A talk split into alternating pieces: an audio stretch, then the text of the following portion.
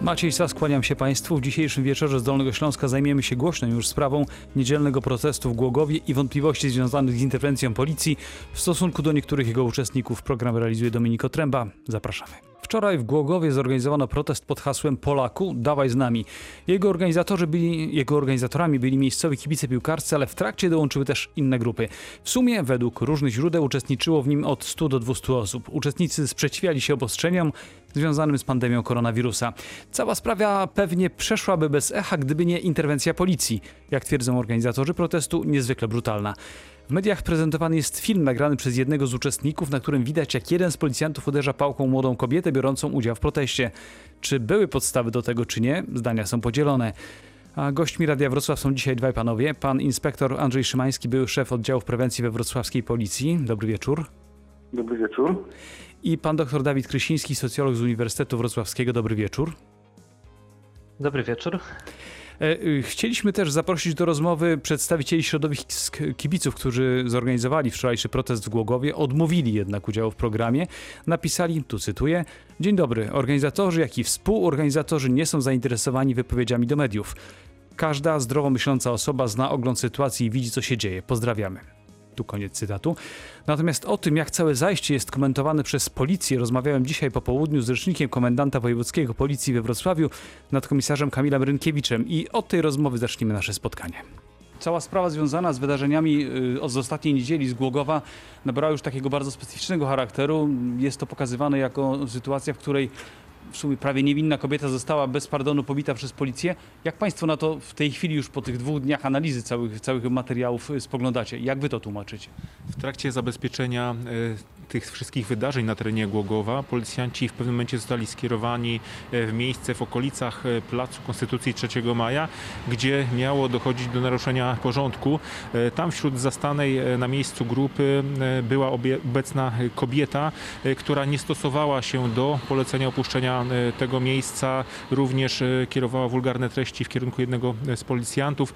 Towarzyszyło jej dwóch mężczyzn, którzy cechowali się zachowaniem prowokacyjnym, wskazującym na takie markowanie zachowań dążących do konfrontacji e, z policjantami. Oni również znieważyli funkcjonariuszy. Mówi Pan o prowokacyjnych zachowaniach. O takich prowokacyjnych zachowaniach y, i zachowaniach markujących jakby dążenie do konfrontacji z policjantami, to jest y, to zachowanie, część, element tych zachowań jest uwieczniony również na prezentowanych przez nas filmie, który został zamieszczony na stronie Dolnośląskiej Policji, który przedstawia jakby pewien zakres tej, tych wszystkich wydarzeń, które poprzedzały zatrzymanie y, tych osób, ponieważ w tej sieci y, pojawiło się wiele różnych nagra- nagrań z różnych y, stron. Nasze prezentuje oko e, kamery policyjnej e, jakby od tyłu tych osób, e, które e, poruszały się e, e, w jednym kierunku. Tej kobiecie towarzyszyło, tak już wcześniej wspominałem, dwóch mężczyzn prowokacyjnie zachowujących się. Również oni znieważyli funkcjonariuszy. Kobieta również w pewnym momencie e, zaczęła szarpać za mundur e, policjanta. E, Została ostrzeżona o możliwości e, użycia środków przymusu bezpośredniego, natomiast to nie poskutkowało, wo- wobec czego funkcjonariusz użył wobec niej e, pałki e, służbowej, e, zadając jedno uderzenie w umieśnioną, w kierunku umieśnionej części ciała. To uderzenie zostało zamortyzowane przez torebkę. Ta kobieta została obezwładniona i zatrzymana. Zatrzymani również zostali dwaj pozostali mężczyźni. Te wszystkie osoby są podejrzane o znieważenie funkcjonariuszy, a kobieta dodatkowo o próbę zmuszenia policjanta do odstąpienia od prawnej czynności służbowej polegającej na zatrzymaniu jej, a także o naruszenie nietykalności ciele, cielesnej funkcjonariusza. E, Te wszystkie osoby e, w związku z zatrzymaniem zostały również przebadane, natomiast w wyniku badania nie stwierdzono, ażeby posiadały one e, obrażenia. No, takie badania są przeprowadzone, akurat przeprowadzane akurat w tego typu sytuacjach. Również, jak ustalili funkcjonariusze, ta kobieta oraz jeden z zatrzymanych mężczyzn wcześniej byli w przeszłości notowani w związku z różnego rodzaju zdarzeniami. Chodzi tutaj o znieważenie funkcjonariusza publicznego, ale też uszkodzenie mienia, kierowanie gruźb, a kobieta dodatkowo e, w związku z udziałem e, w bójce. Oczywiście jak w każdej sytuacji związanej z użyciem środków przymusu bezpośredniego, również e, ta sytuacja jest analizowana tak, żeby wykluczyć wszelkie wątpliwości. Ta wątpliwość, która się tutaj pojawia, mm, nawet mm, oczywiście pomijam te fakty takie cały, nazwijmy to rynsztok, który się wylewa, nie o to mi chodzi. Bardziej o te głosy. Ja dzisiaj nawet rozmawiałem z jednym z oficerów, byłych oficerów oddziałów prewencji, który mówi, że absolutnie działanie było potrzebne, niepotrzebne było użycie pałki, bo można było to inaczej zrobić. Czy pod tym kątem nadużycia jakichś swoich uprawnień państwo też badacie sprawę? Środek przymusu bezpośredniego w postaci pałki służbowej jest wymieniony w ustawie o środkach przymusu bezpośredniego i e, broni. E, Tutaj, jak wynika nawet z analizy e, tych filmów, które pojawiły się w sieci, nastąpiła pewna gradacja, ponieważ policja najpierw próbuje użyć siły fizycznej w celu zatrzymania tej kobiety, następnie w ostateczności właśnie używa tej pałki służbowej. W związku z całym przebiegiem tych wydarzeń, my oczywiście analizuj, analizujemy dokładnie ich przebieg. Taka sytuacja ma miejsce za każdym razem, kiedy użyte są środki przymusu bezpośredniego. Musimy zbadać, ażeby wykluczyć wszelkie wątpliwości e, dotyczące użycia e, tych środków przymusu bezpośredniego. Tak też e, jest w tej sytuacji. Te sytuacje ostatnio częściej się pojawiają, czy, czy jak rozumiem, że w jakiś sposób szczególne procedury są przygotowane na, na, na, na podobne sytuacje, no bo to w ostatnim czasie się mocno powtarza, często jest takie. Ma, macie Państwo do czynienia z tym. że każda sytuacja jest indywidualna. Do każdej e, przygotowujemy się, e, analizując e, dokładnie e, ryzyko wystąpienia pewnych e, niebezpiecznych e, sytuacji. Tak też było w tej sytuacji w przypadku zabezpieczenia zgromadzenia, nielegalnego zgromadzenia na terenie Głogowa. E, Funkcjonariusze w trakcie tych działań e, łącznie zdecydowali wobec 101 osób o skierowaniu wniosku o ukara- o ukaranie w związku z niestosowaniem się do zasad e, reżimu sanitarnego, e, a wobec 32 zastosowano postępowanie e, mandatowe e, na miejscu. Oczywiście e, policjanci w trakcie tych działań zatrzymali w sumie 6 osób, e, z czego 3 odpowiedzą za przestępstwa narkotykowe, natomiast kolejne 3 zostały e, zatrzymane właśnie w związku z wydarzeniami, jakie miały miejsce w okolicach e, Placu Konstytucji e, 3 maja. Dodajmy, że komendant główny policji nakazał przeprowadzenie wewnętrznej kontroli w sprawie interwencji funkcjonariusza i jeszcze kilka słów komentarza związanych z informacją, jaka ukazała się dzisiaj na stronie Rzecznika Praw Obywatelskich. Cytuję. "E, W ocenie Krajowego Mechanizmu Prewencji Tortur działającego w Biurze Rzecznika Praw Obywatelskich sposób traktowania kobiety przez funkcjonariusza policji stanowi ewidentny przykład naruszenia elementarnego obowiązku ciążącego na policji, którym jest działanie w sposób proporcjonalny gwarantujący poszanowanie godności ludzkiej oraz przestrzeganie podstawowych praw człowieka. Krajowy Mechanizm Prewencji Tortur podkreśla, że interwencja funkcjonariusza była nieproporcjonalna do sytuacji i nie znajduje uzasadnienia z punktu widzenia całej interwencji.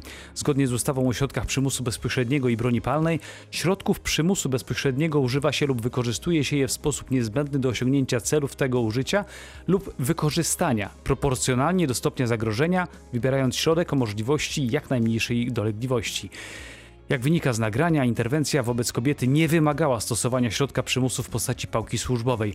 Biorąc pod uwagę znaczne siły policyjne, w asyście których przebiegała interwencja, w pełni wystarczające byłoby zastosowanie mniej dolegliwych środków.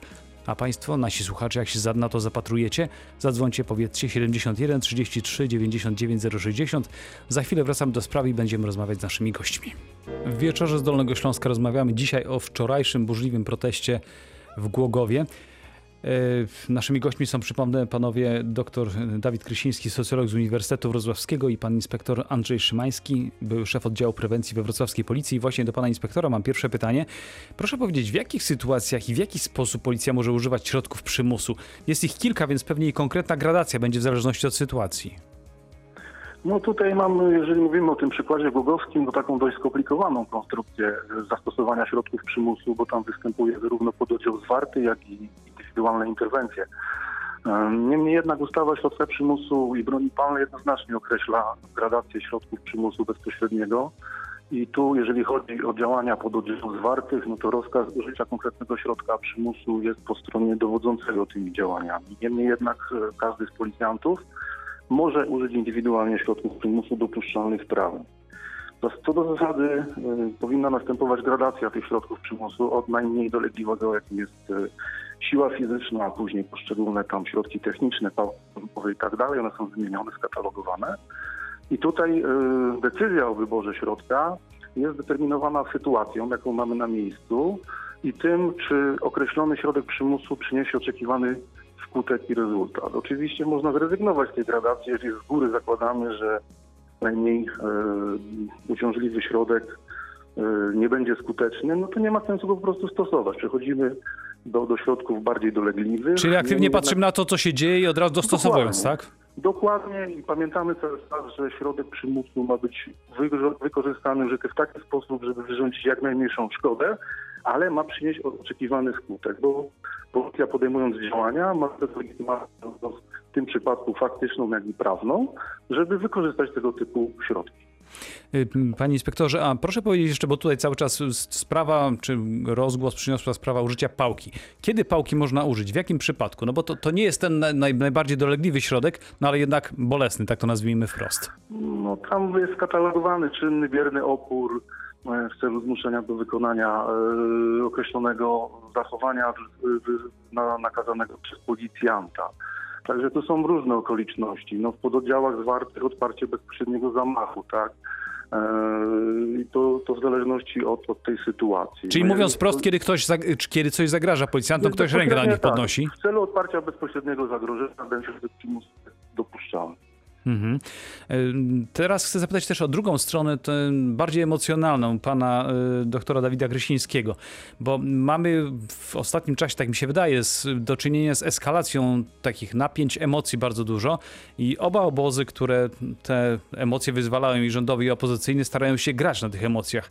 Tu też mam do czynienia y, z tym mało racjonalnych argumentów, mnóstwo emocji, często niezdrowych, co widać szczególnie po komentarzach pod informacjami o proteście, o którym dzisiaj rozmawiamy. Nie sądzi pan, że tak jest?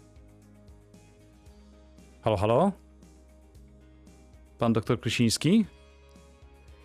Pan doktor gdzieś nam zniknął. W takim razie jeszcze, jeszcze zapytam o jedną rzecz pana, pana y, inspektora Andrzeja Szymańskiego. Panie inspektorze, policja ma na wszystko swoje procedury. Na takie sytuacje jak o tej, ta, o której mówimy pewnie też. Czy one są systematycznie jakoś udoskonalone, dostosowywane do, do zmieniających się realiów? No bo te realia zmieniają się. Zupełnie co innego działo się 30 lat temu, inaczej dzisiaj wyglądają protesty, prawda?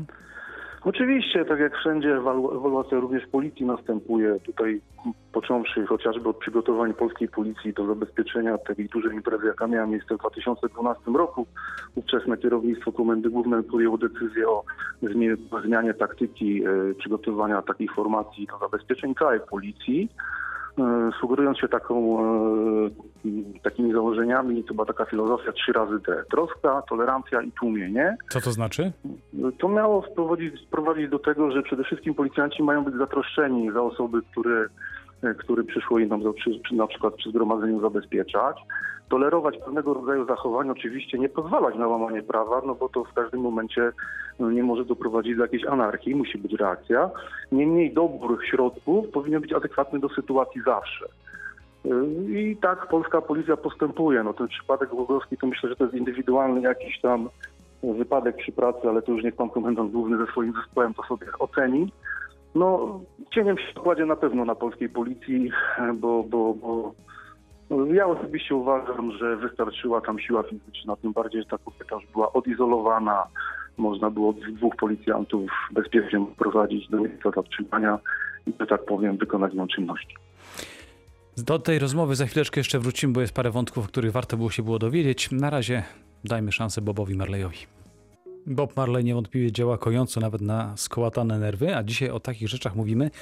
Mówimy o sytuacji związanej z wczorajszą manifestacją w Głogowie, związaną z protest. Protest to był protest przeciwko obostrzeniom antykowidowym.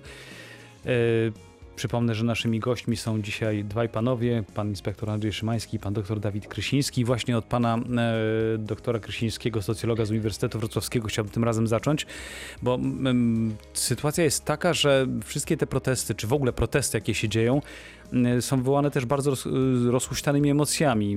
Tak jak już wcześniej mówiłem, oba nasze obozy, i rządowy i opozycyjny, grają na tychże emocjach.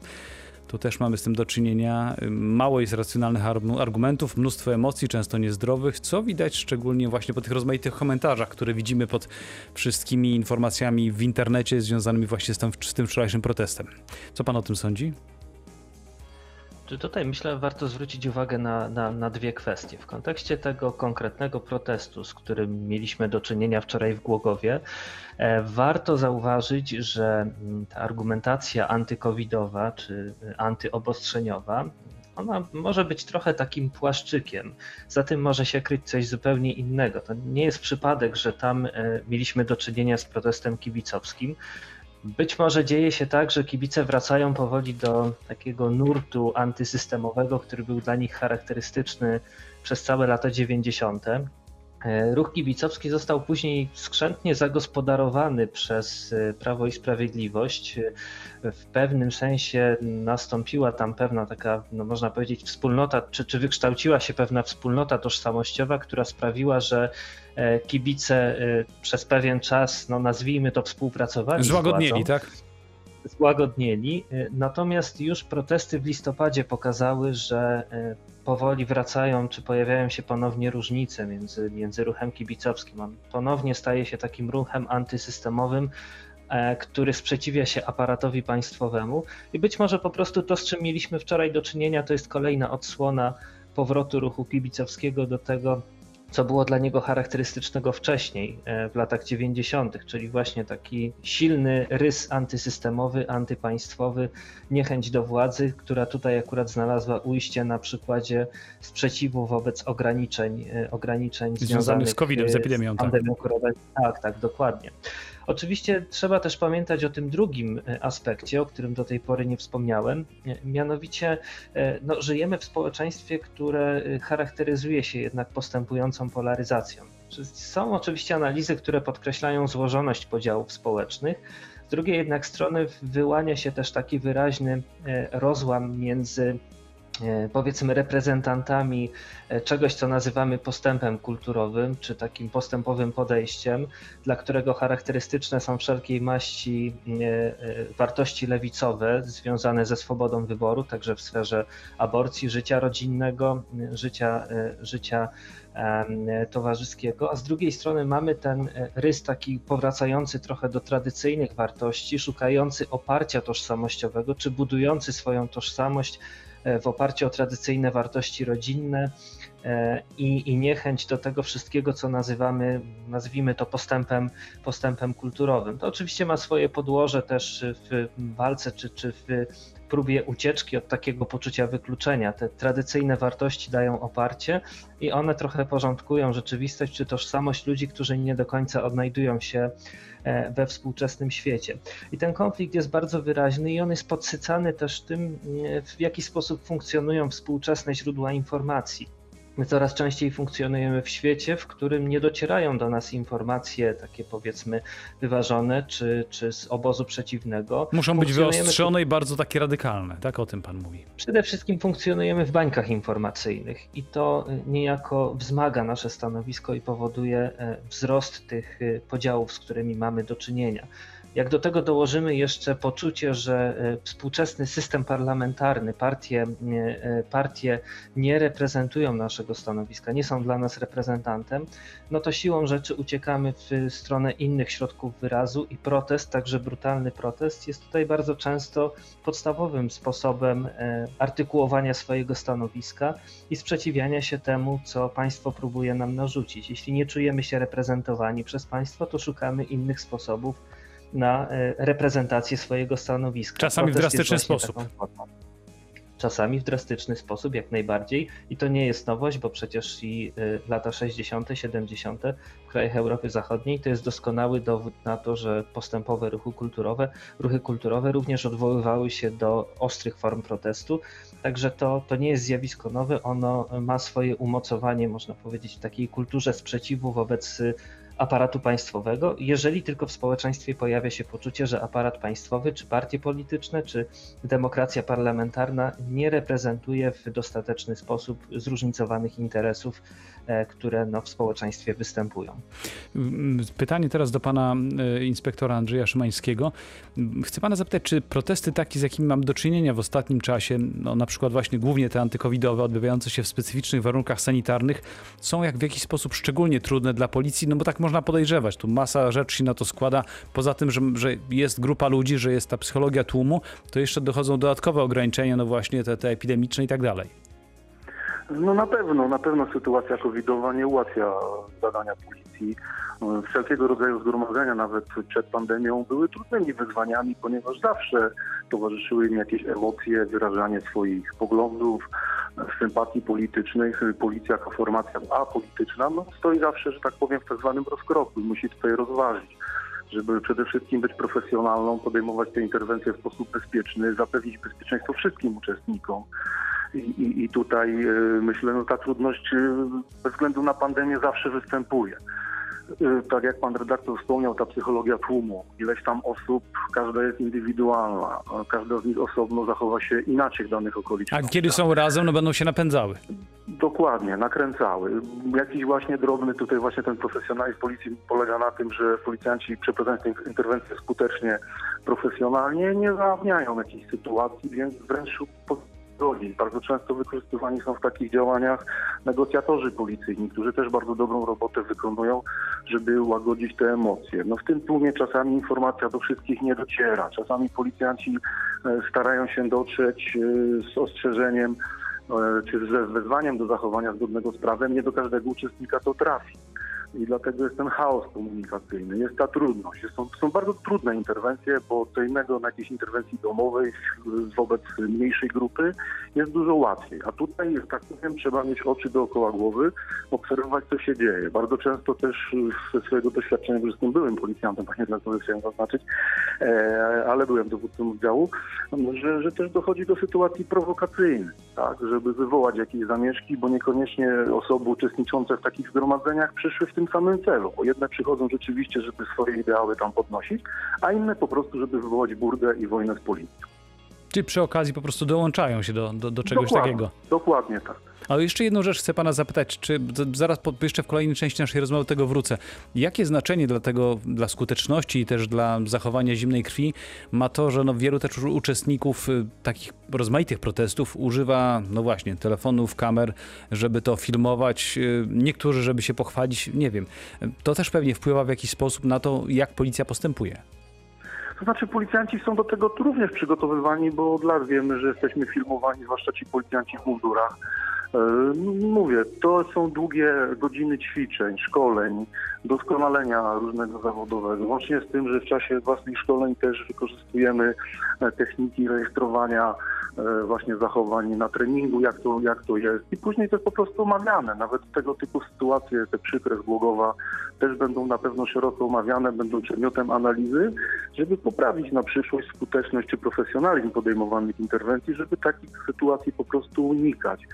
No policjant musi być twardy, nie może się dać sprowokować, e, no musi przyjąć troszeczkę więcej e, na swoją klatę i, i, i tym się właśnie cechuje dobrze przygotowany policjant. Ja myślę, że to, ten bogowski przykład trzeba po prostu traktować jako indywidualny przypadek. No, jakiejś niefortunnej okoliczności, bo ja nie spodziewam się, żeby policjanci zrobili to, czy policjant zrobił to złośliwie, zamierzył, no to by musiał być jakiś impuls. No trudno mi to ocenić. No, no nie byliśmy tam, nie byliśmy też w jego głowie, więc nie wiemy. Dokładnie.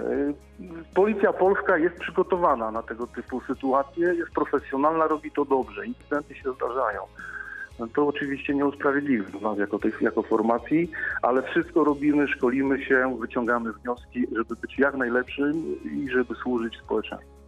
Ja jeszcze mam jeszcze jedno pytanie do pana doktora Dawida Krysińskiego, bo y, to, o czym mówimy, jak mi się wydaje, nie jest tylko specyfiką polską, czyli ta polaryzacja taka stanowisk i takie wyostrzenie wszystkiego, no bo to chyba chociażby w państwach ościennych czy w europejskich innych też się dzieje. No jak najbardziej. Myślę, że abstrahując od, od przykładu y, tutaj krajów zlokalizowanych w Europie Wschodniej y, i odwołując się tylko do naszych doświadczeń, czy Europy Środkowo-Wschodniej, czy nawet krajów zachodnich, mamy po prostu do czynienia z szerszym kryzysem takiej demokracji liberalnej czy parlamentarnej, y, To wiąże się w ogóle ze spadkiem zaufania wobec i systemu kapitalistycznego mm, i wobec takiego państwa nowoczesnego, w jakim funkcjonujemy, które jest właśnie oparte na parlamencie. To wszystko powoduje, że szukamy y, alternatywnych, alternatywnych form wyrażania y, własnych poglądów. To, jest, no to się przejawia nie tylko w tym, że wielu młodych wyborców wycofuje się z, z życia w wyborach, to przejawia się też tak, czy, czy z życia publicznego, czy przenosi w ogóle swoje życie publiczne do internetu, bo taki proces też obserwujemy. No, krótko mówiąc, taką, takim wspólnym mianownikiem dla tych przemian jest poszukiwanie alternatywnych form wyrażania własnych poglądów, emocji, czy nawet artykułowania mm, własnych poglądów i stanowiska i oczekiwań. E, protest jest jedną z takich form. No, w tej chwili nakłada się na to e, COVID, który czasami bywa traktowany jako, tak można powiedzieć, przykrywka e, faktycznych e, poglądów czy oczekiwań. Natomiast no, trzeba pamiętać o tym, że demokracja się zmienia, demokracja też ewoluuje i z tym mamy do czynienia obecnie. I to jest też istotny, istotny powód, powód tego, co widzimy na ulicach.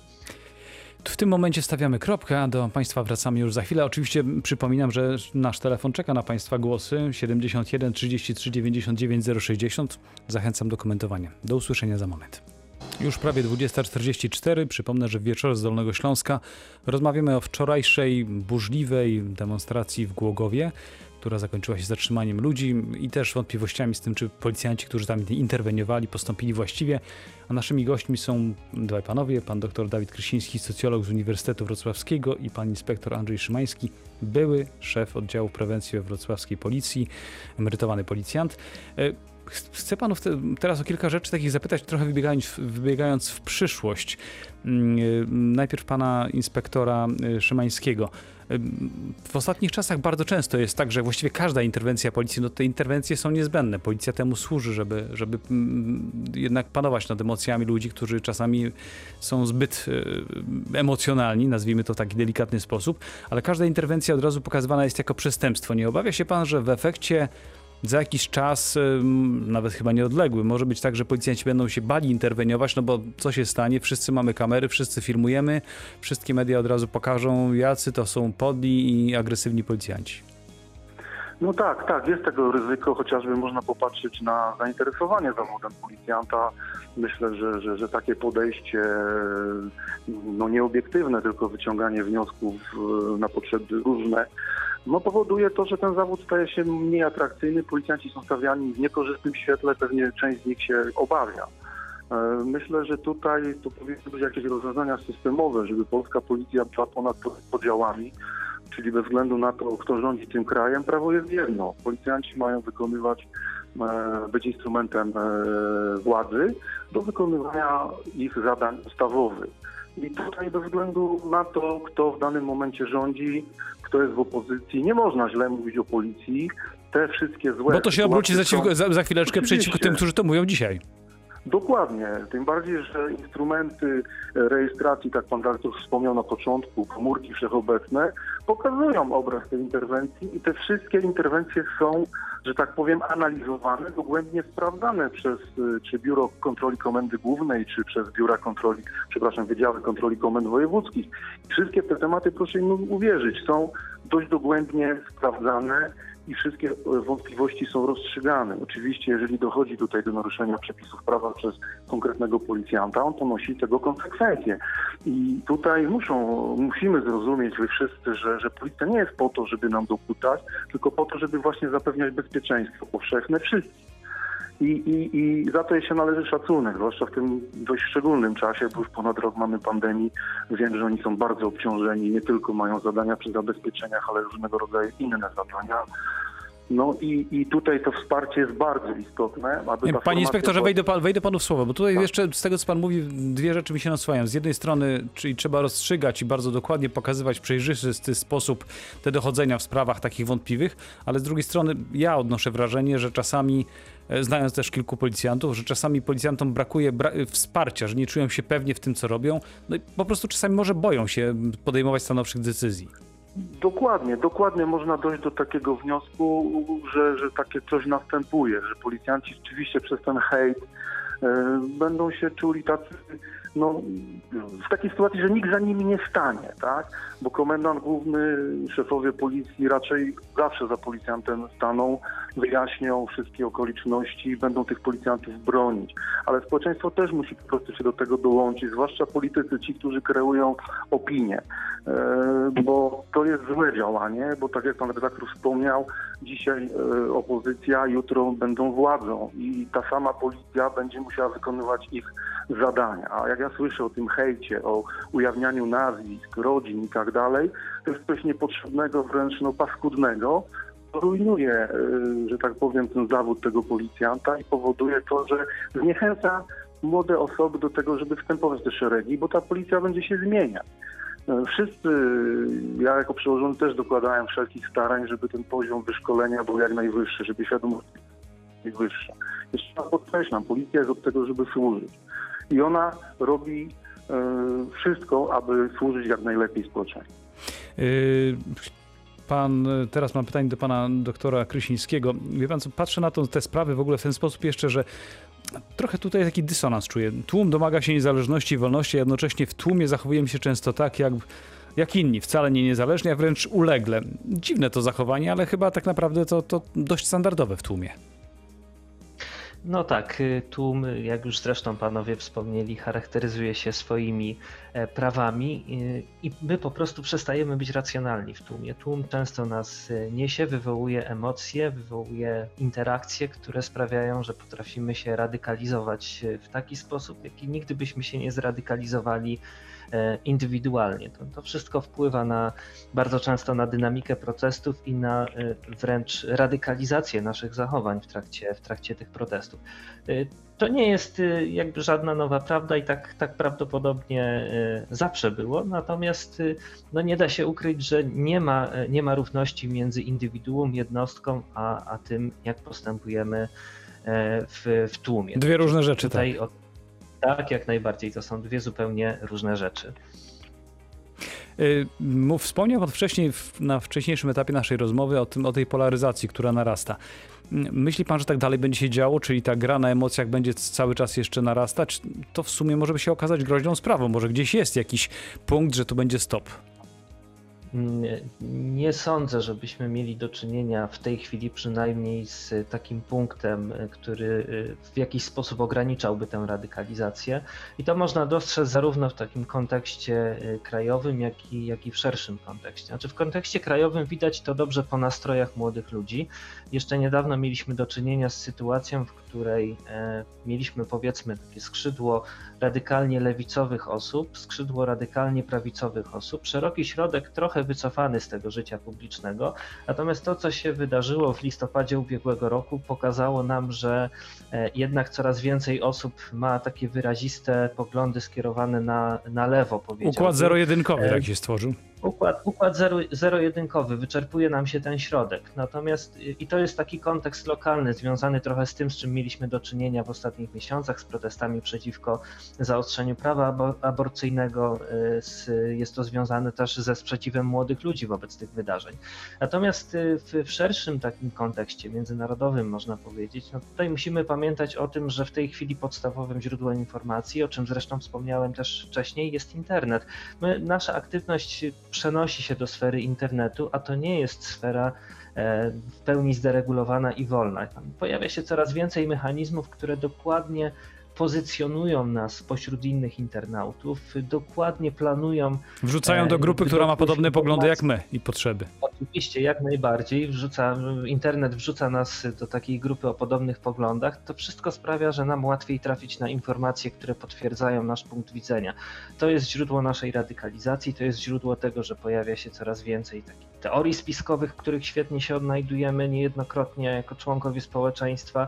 No i to jest też, to jest też podstawowy mechanizm kształtujący nasze poglądy i zachowania. Jeśli to połączymy z ewolucją demokracji, o której powiedziałem, a w tej chwili coraz częściej mówi się o demokracji nieliberalnej, w której e, policja jest kojarzona ze zbrojnym ramieniem e, państwa, które ogranicza nasze swobody demokratyczne, no to to wszystko tworzy taki obraz y, społeczeństwa mm, coraz bardziej radykalnego, podzielonego, w którym zaufanie do państwa jest bardzo niskie.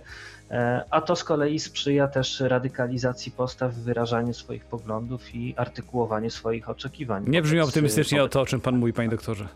Niestety, niestety nie brzmi, ale e, jest to, rys, jest to rys współczesności. Chyba musimy się pożegnać z takim obrazem e, czasów dobrobytu, w których e, e, wyobrażaliśmy sobie przyszłość tylko w optymistycznych barwach. Dziś niestety ta przyszłość w optymistycznych barwach ucieka nam coraz bardziej i rzeczywistość staje się nieco mniej e, kolorowa niż byśmy tego oczekiwali. Jeszcze jedno pytanie na koniec do pana inspektora Andrzeja Szymańskiego. Proszę powiedzieć, zastanawiam się po tym wszystkim, co powiedzieliśmy, w jaki sposób policjant, który jest w miejscu, gdzie no może mu się coś stać, dostał konkretne zadania, wcale niełatwe czasami, jak ma zapanować nad emocjami yy, w miejscu, gdzie wiele osób próbuje go sprowokować, czasami w sposób nawet brutalny. Tego też pewnie się policjanci uczą, zwłaszcza ci z oddziałów prewencji. Y, Tak, oczywiście. My również mamy, przepraszam, formacja policja ma w swoich szeregach psychologów, szkolenie technik psychologicznych. Także jesteśmy przygotowywani do takich sytuacji.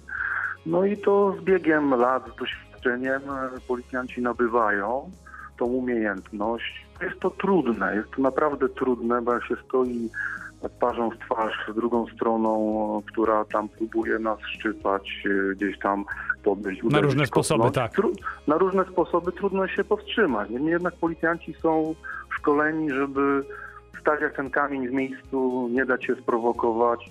E, To sytuacja ma determinować podjęcie interwencji. Jeżeli nie ma takiej konieczności, żeby używać siły, to jej po prostu nie używamy. Tak policjanci są przygotowywani i tak to robią. Jeżeli już wymyka się to spod kontroli, należy użyć siły, to policja musi reagować natychmiast, stanowczo, oczywiście w granicach prawa przy wykorzystaniu środków prawem dopuszczalnych w danej sytuacji. Musimy powoli kończyć. Bardzo dziękuję panom za udział w naszym programie, a państwu za to, że byliście z nami. Naszymi gośćmi byli, przypomnę, pan inspektor Andrzej Szymański, były szef oddziału prewencji we wrocławskiej policji. Dziękuję panie inspektorze. Dziękuję.